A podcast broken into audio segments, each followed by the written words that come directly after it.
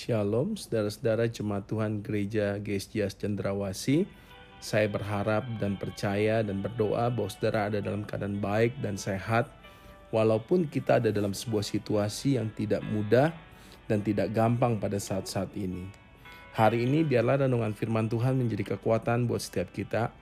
Diambil dari kitab Matius pasal yang ke-8 ayat 23 sampai 24. Judul perikopnya adalah angin ribut diredakan.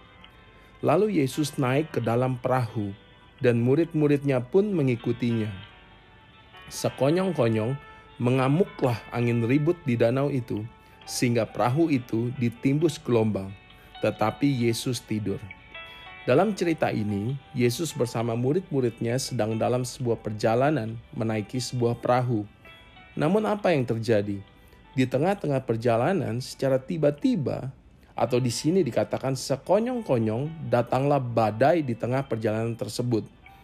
Angin ribut di danau itu mengamuk. Artinya angin yang besar seperti badai yang bukan datang untuk menyegarkan tapi datang berpotensi membawa ancaman keselamatan buat setiap orang yang di tengah danau tersebut atau yang berada di dalam perahu tersebut. Angin itu sampai menyebabkan perahu yang dinaiki oleh murid-murid Yesus itu ditimbus oleh gelombang. Kejadian ini sangat membuat murid-murid menjadi sangat takut. Hari ini mari kita belajar tentang prinsip badai. Apa yang menjadi prinsip badai? Badai itu memiliki sifat dia itu bisa datang kapan saja tanpa diduga. Kedua, badai itu bisa menerjang siapa saja. Dia tidak milih-milih orang dia bisa datang menghantam siapa pun dan dia memiliki potensi untuk merusak dan menghancurkan. Kalau kita lihat apa yang terjadi dalam kehidupan kita saat ini, bukankah hal yang sama hampir terjadi dari cerita yang kita baca tersebut dengan kehidupan yang kita alami hari-hari ini? COVID datang secara tiba-tiba seperti badai dan mengubah segala keadaan dengan begitu cepat. Tentu saudara paham dan menyadari betapa cepat datangnya COVID dan merubah sebuah tatanan sistem yang ada di masyarakat dan merubah segala pola hidup kita. Angin ribut itu datang juga mengenai perahu yang dinaiki Yesus oleh dan murid-muridnya.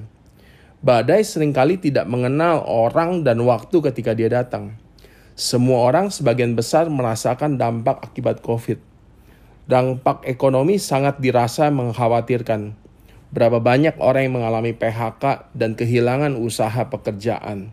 Satu kota yang mengandalkan sebuah pariwisata bisa mengalami keterpurukan yang begitu luar biasa hampir seperti kota mati. Dampak kesehatan kita tahu sangat besar akibat dan dampaknya. Kalau tidak salah sampai hari ini mungkin sekitar 2,1 juta orang yang telah meninggal akibat COVID dan ada sekitar mungkin puluhan juta atau 100 juta orang yang sudah terinfeksi oleh COVID. Dan dampak kehidupan sosial di mana kita hidup hari-hari ini sudah sangat sulit dan sangat terbatas. Kita sulit untuk berinteraksi dengan orang-orang di sekitar kita, bahkan dengan keluarga terdekat kita. Belum dampaknya buat gereja, di mana kehidupan bergereja juga berubah total. Badai ini membuat kita semua memiliki rasa takut dan khawatir tidak sedikit orang yang mengalami putus asa. Waktu itu juga murid-murid ada di perahu itu, mereka juga sangat mengalami ketakutan. Apa yang bisa kita pelajari dalam situasi ini? Mari kita balik dalam cerita tentang angin ribut yang, di, yang diredakan yang sudah kita baca di awal. Yang menarik yang kita temukan adalah ketika badai datang, Yesus ternyata tidur.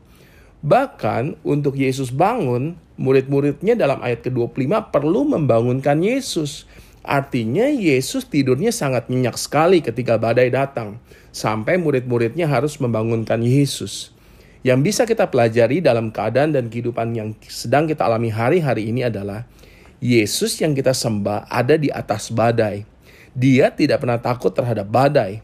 Dia berada satu level di atas badai. Dia menaklukkan badai. Kalau kita baca dalam ayat berikutnya, dia menghardik badai itu dan dia bahkan menegur kita, mengapa kamu takut? Kamu yang kurang percaya.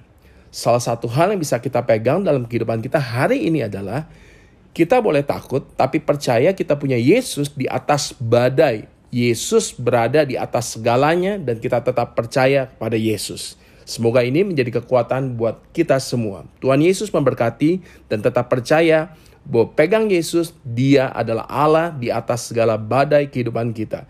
Kita kenal dia dan dia akan menolong dan menghardik semua badai itu dari hidup kita. Tuhan Yesus memberkati.